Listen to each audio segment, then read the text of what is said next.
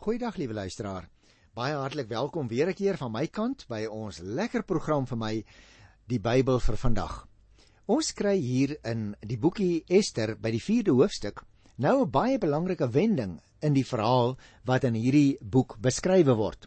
Want jy sal onthou as jy gereeld luister dat daar hierdie wat sal ek sê hierdie goeie, hierdie oom was van Ester. Uh want hy het haar eintlik as sy eie dogter aangeneem. Maar teenoor hierdie twee Jode was daar in die hoofstad Susan 'n baie boosaardige man, naamlik Haman, wat 'n wrok begin ontwikkel het teen die Jood Mordegai. En Haman het toe valslik in die naam van die koning sy seelring in die hande gekry. Hy het 'n wet laat uitvaardig dat oor 'n jaar al die Jode doodgemaak moes word. Nou hierdie episode, liewe luisteraar, het aan die begin en die einde twee geleenthede waarop daar glad nie geëet is nie waarop die Jode godsdienstig gevas het. Gaan kyk maar vers 3 en vers 16, maar jy kan dink dit moes 'n geweldige boodskap gewees het wat hulle oor bereik het. Dat hulle oor jaar doodgemaak gaan word. Die Jode, liewe luisteraar, staan voor die vernietigende mag van die koning en die bevel wat die koning Haman toegelaat het om uit te vaardig, naamlik dat die Jode aan die einde van daardie jaar uitgeroei moet word. Dit gaan natuurlik die Jode se einde beteken en daarom rou en vas hulle hier waar hulle hulle eie ondergang in die gesig staar. Ook Ester se lewe is natuurlik 'n gevaar onthou want sy is 'n Jodin. Al die tekens is daar dat die koning haar sal verwerp as sy na hom toe sal gaan. Hy het haar 'n hele maand laas na hom toe laat kom. En so druk die twee vasgeleenthede in hierdie episode vrees en onsekerheid uit vir die vernietigende mag van die koning wat teen die Jode ingespan staan. Nou om hierdie bedreiging af te weer en die situasie om te keer, lyk natuurlik menslik onmoontlik, né? Tog is daar een helder ligpunt in hierdie donker nag van die Jode se geskiedenis. Ester se posisie aan die hof. Sy het toegang tot die koning. Sy is die een wat die koning kan ooreed om sy mag ook te gebruik om sy vrou en haar volk die Jode te red. Daar's egter 'n groot risiko hier aan verbonde, hè? As sy sommer uit haar eie die koning se troon sou nader. Hy het van tevore al sy mag gebruik om die vorige koningin Vasti uit haar pos te onthef. Met ander woorde, sy weet baie goed as die koning die raad kry van sy raadgewers om op te tree teen sy vrou, sal hy haar laat doodmaak so vinnig as wat 'n mens 'n skaapslag. Iemand durf ook nie na die koning toe gegaan het in daardie tyd sonder dat hy of sy uitgenooi was nie. Dit moet ons onthou, die Persiese konings was geweldig magtig, hoor. Hulle is eintlik beskou as gode. As jy dus uit jou eie van jou kant af na die koning toe gaan, dan kan dit jou einde beteken. Boonop het die koning Ester 30 dae laas genooi om na hom toe te kom. Daar's wel 'n moontlikheid om langs hierdie manier vir die Jode uitkoms uit die krisis te probeer bewerk, maar dit was uiters uiters riskant vir Ester en natuurlik haar oom Mordegai. Nou, nou laat Mordegai weet vir Ester dat sy die risiko maar moet loop. Anders gaan sy saam met daai mense doodgemaak word en hy self ook natuurlik. Sy durf nie weier nie, moedig haar oom haar aan. As sy nie na die koning toe gaan en probeer om die saak ongeldig te laat verklaar nie, gaan sy sterf soos elke ander Jood. As God die Jode op 'n ander manier van hierdie oordeel gespaar sou laat bly, gaan haar volksgenote teen Ester self draai omdat sy niks aan hulle probeer doen het nie. So gesels haar oom met haar. En buiten al hierdie logiese redes, moet sy nog in geloof die vraag vra of die Here dit nie dalk op haar pad gebring het om iets aan die saak te doen nie. Was dit nie miskien met 'n oog op 'n tyd soos hierdie sê sy vir haarself en Mordegai wanneer hulle in gesprek is dat die Here dit beskik het dat sy koningin van Persië moes word nie. Wil God haar nie straks gebruik om deur haar toedoen nou iets vir sy volk te doen nie. En liewe luisteraar, hier presies hier lê die kernpunt van die verhaal. Die bedreigende en die vernietigende mag van die wêreld word nie buite aksie gestel deur 'n opspraakwekkende magsvertoon van God nie, né? Dit word teengegaan en omgedraai waar God iemand op die regte tyd op die regte plek plaas. God werk deur 'n mens wat oop is vir die moontlikheid dat die Here deur iemand soos 'n vrou kan werk. Wat net soos haar skoonheid ook nog bereidwilligheid het om in diens van die Here te wees. Nou is dit natuurlik weliswaar iemand wat bereid is om 'n nek uit te steek en te waag, maar iemand wat oortuig is dat niks of niemand te klein is vir die Here om daardeur iets groots te kan laat gebeur nie. Iemand wat insien dat God dit kan beskik dat dieselfde mag van die koning wat met haat en omkoop geld ingespan moes word om 'n volk uit te roei en te probeer vernietig, kan net so goed insien dat die toegeneentheid van 'n koning teenoor sy vrou ingespan kan word om mense te red en behoue te laat bly. En dit is die twee stryd wat in hierdie jong koningin se hart woed.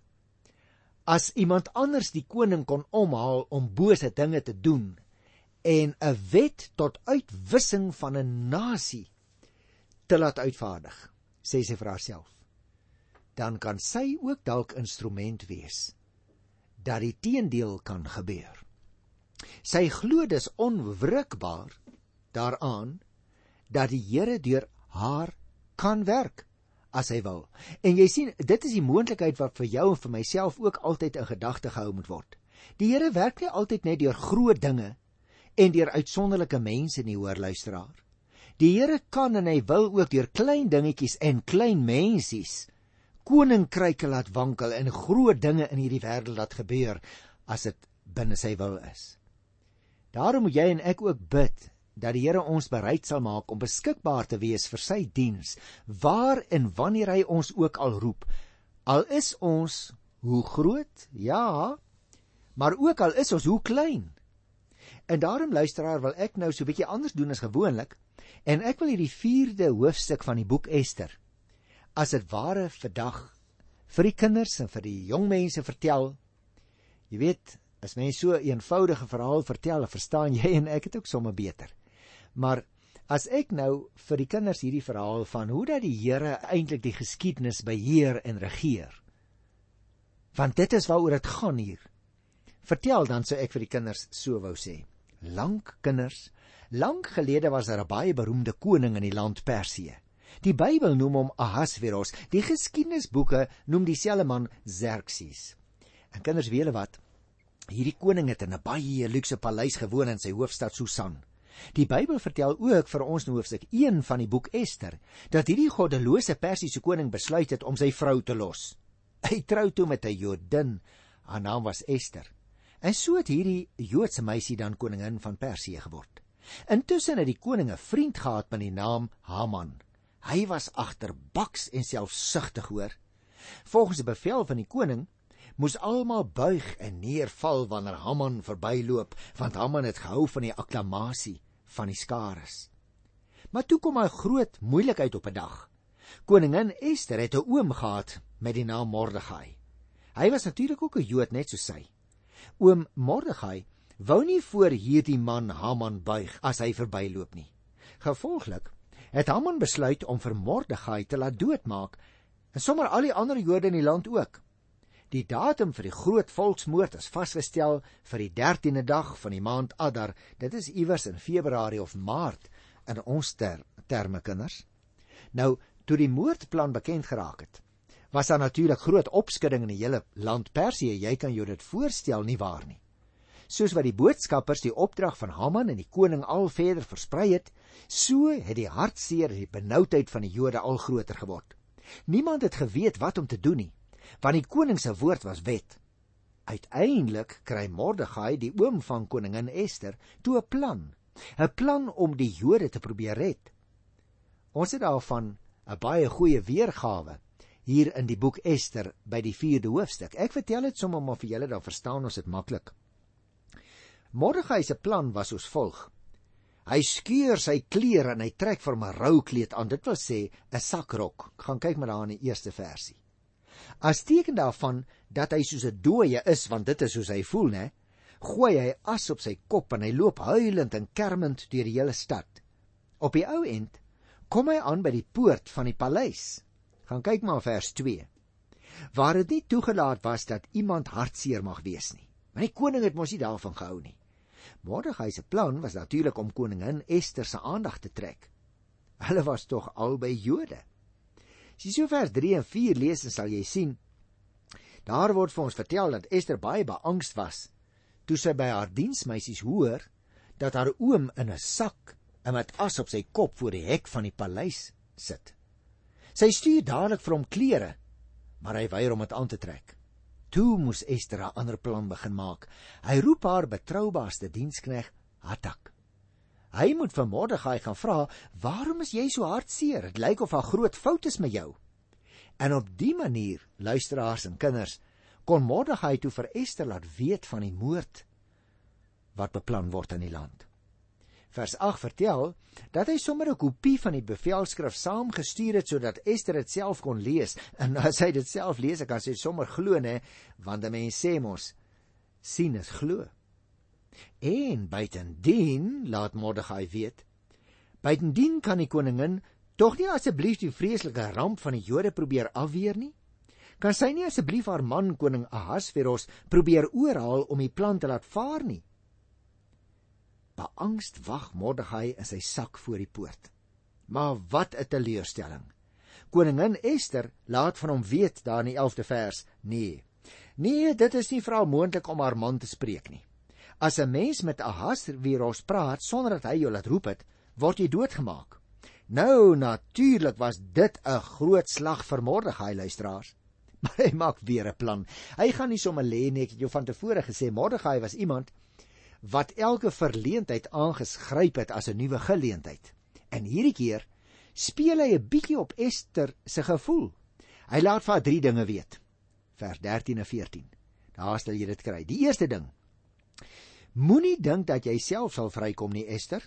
Onthou jy self ook 'n Jood. Verder die tweede ding, onthou Ester, as jy swyg, dan mag die Here die Jode op 'n ander manier uitred, maar jy en jou familie sal dalk nie gered word nie. En dan speel Mordegai 'n derde troefkaart. Hy sê: Wie weet of jy nie dalk met die oog op 'n tyd soos hierdie tot die koninklike waardigheid geraak het nie. Met ander woorde, Ester, jy het nie verniet koning geword nie, hoor. Die Here het 'n plan gehad met die feit dat jy koningin is. Gebruik nou die geleentheid waarin jy is om iets vir jou eie mense, die volksgenote, die Jode te doen. Nou jy sien liewe luisteraar, as jy nou die verhaal verder gaan lees, net daar waar jy sit of miskien as jy nou bestuur, motor bestuur, gaan lees dit by die huis as jy daar kom. Dan sien jy sien hoe dat alles afgeloop het. Ester het eers al die Jode in Susan 3 dae lank laat vas. Met ander woorde, hulle moes hulle self vir 3 dae lank afsonder aan die Here. En daarna eers het sy na die koning toe gegaan en met hom gepraat en uiteindelik is die moordplan toe nie uitgevoer nie. Die Jode is gered. Maar wie hy liewe luisteraar, as daar is kinders ook. Wie dit is nie al nie. Mordegai wou nie net vir Ester 3 lesse leer nie. Wie hy, daardie selfde 3 lesse geld net so vandag nog vir jou en vir my, liewe luisteraar. Ek wil hulle so 'n bietjie in omgekeerde orde noem. Nou wil ek so 'n bietjie kortliks jou daaroor gesels. Die eerste een is dit. Het jy geweet, liewe luisteraar, liewe kind as jy luister? Die Here het 'n doel waarom jy en ek is waar ons is. Die Here het 'n doel ook waarom jy en ek is wie ons is. Jy sien, Ester was nie verniet koningin nie. Die Here het haar in die paleis geplaas omdat hy deur haar sy volk wou red. Sy moes 'n instrument in die Here se hand word.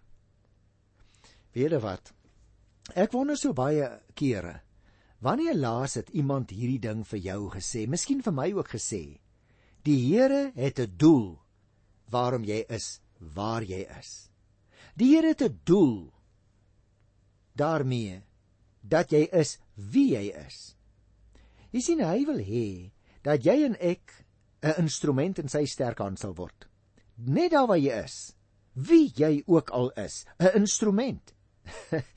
in hierdie tyd waarin ons lewe vandag hoor, Nou liewe broer en suster, my liewe jong mens, sê vir my, laat jy regtig toe dat die Here vir jou as sy instrument gebruik?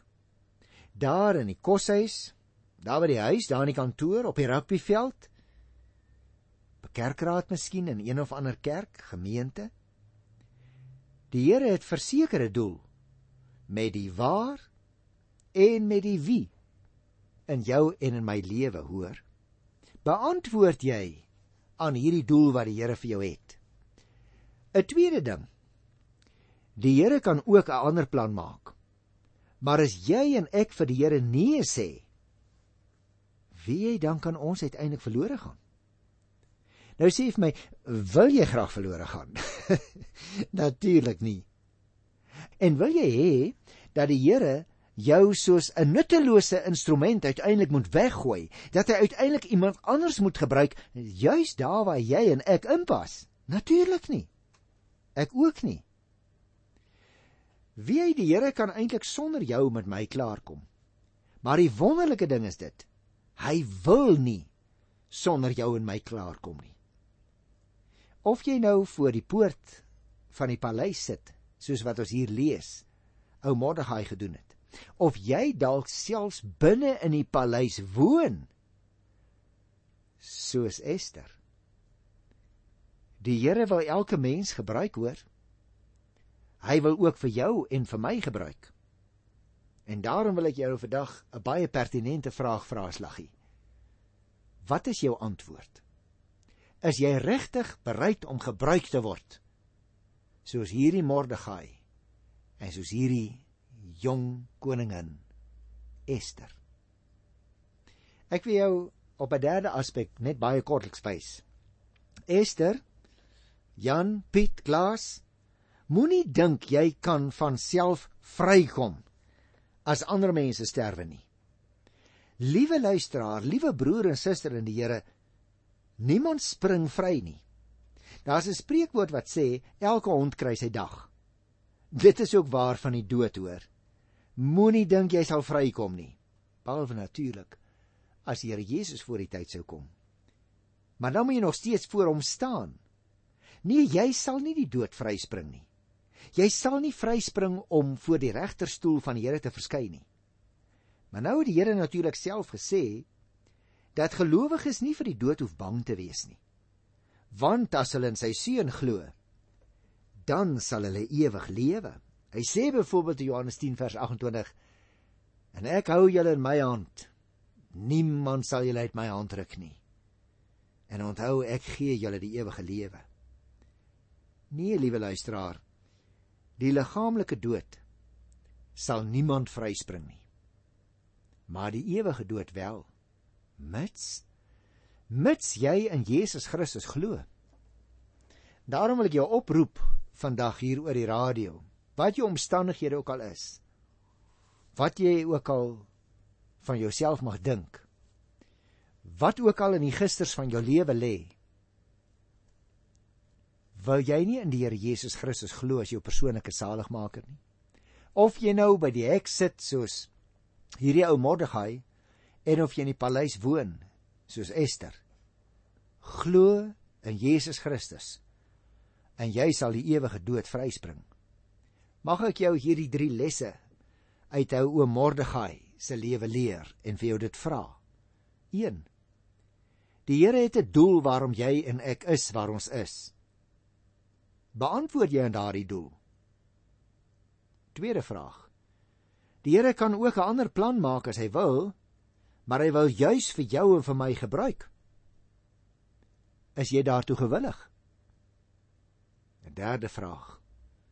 Moenie dink jy sal alleen kan vryspring nie. Die oordeel kom sekerder as die son. Maar die vraag is dit: Glo jy in Jesus Christus? Nou liewe luisteraars, ek dink dit was ook weer 'n keer so 'n bietjie 'n praktiese toepassing van hoe ons ook belangrike lesse, lewenslesse en godsdienstige lesse kan leer uit die verhale van die Ou Testament. Want ook in die boek Ester leer ons belangrike geskiedenis, maar dit is geskiedenis met 'n boodskap. Ek wil dit graag in die laaste 4-5 minute wat ek het baie kortliks opsom want ek het nou na al die verskillende gedeeltes verwys. Ek het vir jou gewys In vers 3 op die groot smart onder die Jode. hoe dat hulle gevas en gehuil en gekerm het. Baie het rouklere aangetrek en hulle het in as gaan lê. Vers 4 en 5 vertel vir ons toe koningin Ester se kamerpersoneel en haar paleisbeamptes haar van Mordegai kom vertel, was sy baie ontsteld. Sy het vir hom klere gestuur om aan te trek in die plek van sy rouklere, maar hy wou dit nie vat nie. Nou dat sy toe een van die paleisbeamptes geroep het, sy naam was Hatak, daar in vers 5. Sy beveel hom, sy sê vir hom man kyk ek is die koningin. Jy gaan nou na my oom Mordegai toe. Jy gaan vir hom vra.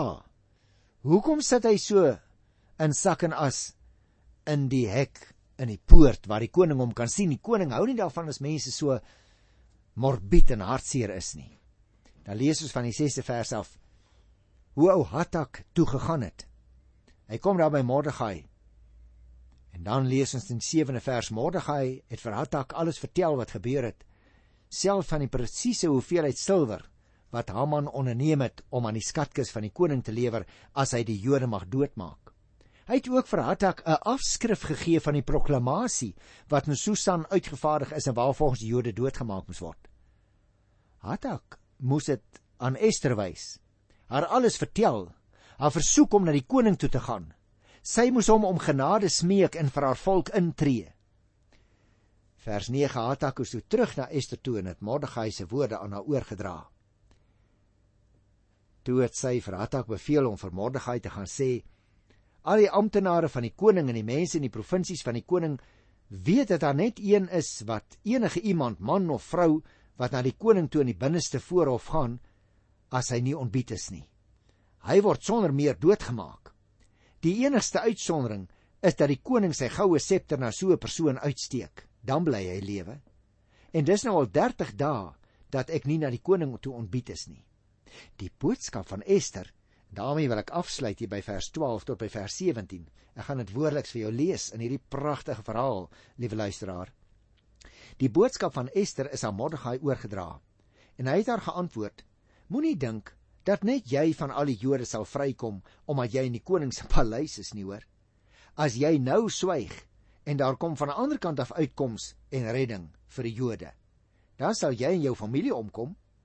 Wie weet, dit is een van die sleuteltekste in hierdie boek, liewe luisteraar, hier in uh, Ester by die 4de hoofstuk aan die einde van vers 14. Wie weet, miskien is dit juis met die oog op 'n tyd soos hierdie dat jy koningin geword het. Ester het vir Mordegai laat weet: "Gaan maak al die Jode wat in Susan is bymekaar en vas ter wille van my. Julle moet 3 dae dag en nag niks eet en drink nie. Ek en my kamerpersoneel sal ook vas. Daarna sal ek na die koning toe gaan, al is dit teen die wet.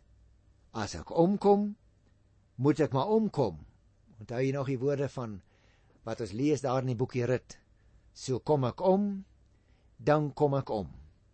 Eh, toe daardie beroemde woorde gesê is tussen Rut en Naomi. Die 17de vers sluit hier af. Mordegai is toe weg. Hy het alles gedoen wat Ester vir hom beveel het. Nou liewe luisteraar, is dit nie 'n wonderlike mooi boek nie. Mense wat as gelowiges in die Ou Testament opgeroep word om te vas en te bid wanneer die Jodin, die koningin van daardie tyd, onthou dit was nog nie die tyd van die Nuwe Testament nie, vir hulle sê ek roep julle op. Bid en vas want ek is op pad na die koning toe. Die owerheid met hierdie belangrike missie. Tree vir my in tree vir die koning in dat sy hart sal verander. Tree in vir die mense die groep waaraan ons behoort. Dat reg sal geskied en dat ons nie uitgewis sal word nie. Mag ek vir jou ten slotte dan vra liewe luisteraar soek jy ook nog die aangesig van God in moeilike tye of dit nou vir jou persoonlik is of vir die land of vir volksgroepe of vir die wêreld waarin ons woon. Kom ons raak weer voorbidders soos wat Abraham vir Sodom ook was. Want wie weet of dit nie dalk is met die oog op 'n tyd soos hierdie dat die Here ons hier geplaas het nie. Ek groet jou in die wonderlike naam van die koning wat die geskiedenis regeer.